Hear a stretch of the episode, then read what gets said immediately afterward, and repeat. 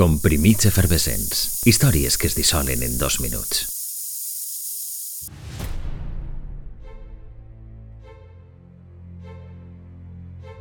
Té una població estable que s'acosta als 3 milions de persones.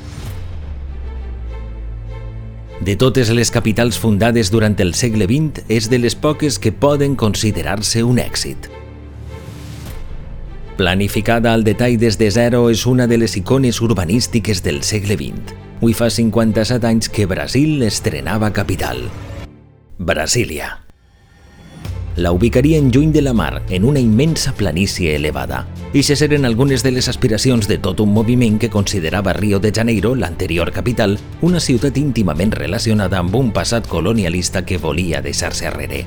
Durant dècades, la idea entraria en hibernació fins que el president Juscelino Kubitschek impulsaria definitivament el projecte. Encarregar el desafiament a Lucio Costa i Oscar Niemeyer. Entre els dos, traçarien una ciutat que es construiria en un temps rècord. L'assombrosa arquitectura que avui exhibís Brasília va créixer gràcies a les mans de 60.000 treballadors. Una ciutat monumental que ens deixa joies com els Palaus de l'Alborada o Planalto, la Catedral Metropolitana o la seu del Congrés. Patrimoni de la Humanitat des del 1987, avui en dia Brasília té altres assumptes urgents que atendre, molts curiosament, conseqüència del seu èxit precisament com a ciutat. L'estrenaven avui fa 57 anys, un 21 d'abril de 1960.